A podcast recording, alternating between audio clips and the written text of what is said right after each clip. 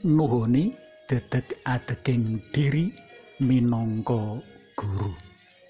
Panglimbang 5 menit kapethik saka Injil Matius bab 13 ayat 1 tekan ayat rolas.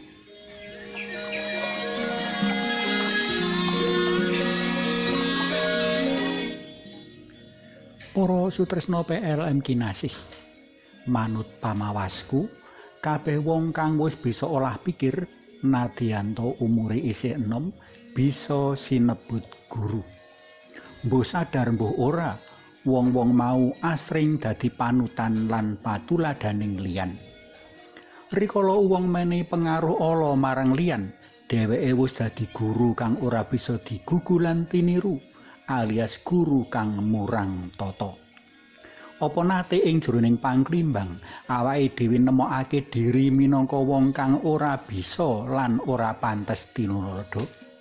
Nadyan mengkono, gelem ora gelem, seneng ora seneng, timbalan minangka guru tetep keket nyawiji marang wong-wong kang binaptis. Jroning dokumen kerasulan awam cinatet, menawa kabeh wong Katolik tinimbalan kanggo mangkerasul. Monggo kapirsani dekret kerasulan awam artikel loro. Mangkrasul kang ancas tujuane menehi pengaruh becik marang wong liya iki mau kang ndak sebut guru.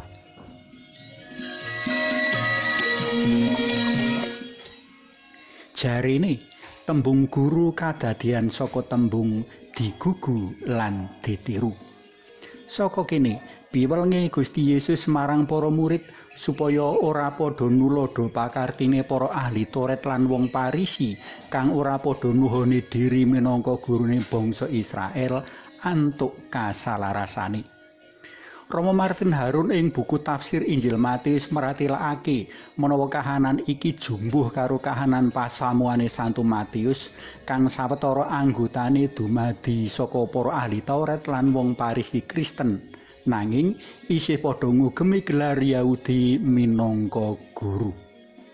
Lah, awake dhewe bisa diarani ora beda karo wong-wong mau, rikala mung bisa kujah nanging ora bisa nglakoni, bisa mbiji nanging ora bisa ndandani utawa benerake.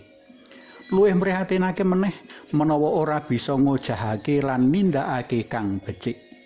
Nanging nadyan wis bisa dadi guru kang becik isih ana piweling siji. Aja amung kanggo golek pangelembananing liyan.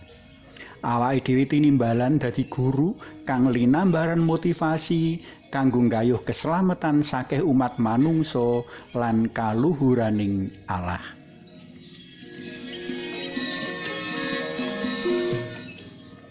Para sutresna PLM kinasih minangka wong sekeng kang ora luput saka sing jenenge salah lan kurang prayoga sabda dalem Gusti Yesus dina iki dadi peling kita kabeh.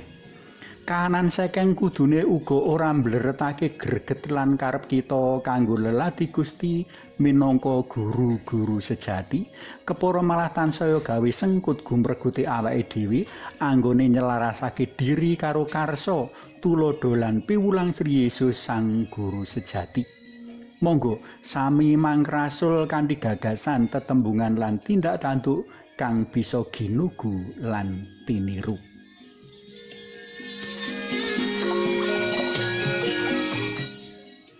Saiki ayo padha munjuk.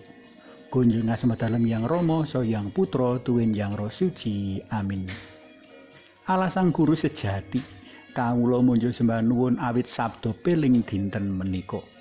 Mugi sedaya gagasan tetembungan lan tindak tanduk kawula saged nyelametaken tiang sanes amargi tuh setya kawula dumateng dawuh-dawuh dalem. Amin. Kunjung asma dalem yang Romo, so yang putra, tuwin yang roh suci. Amin.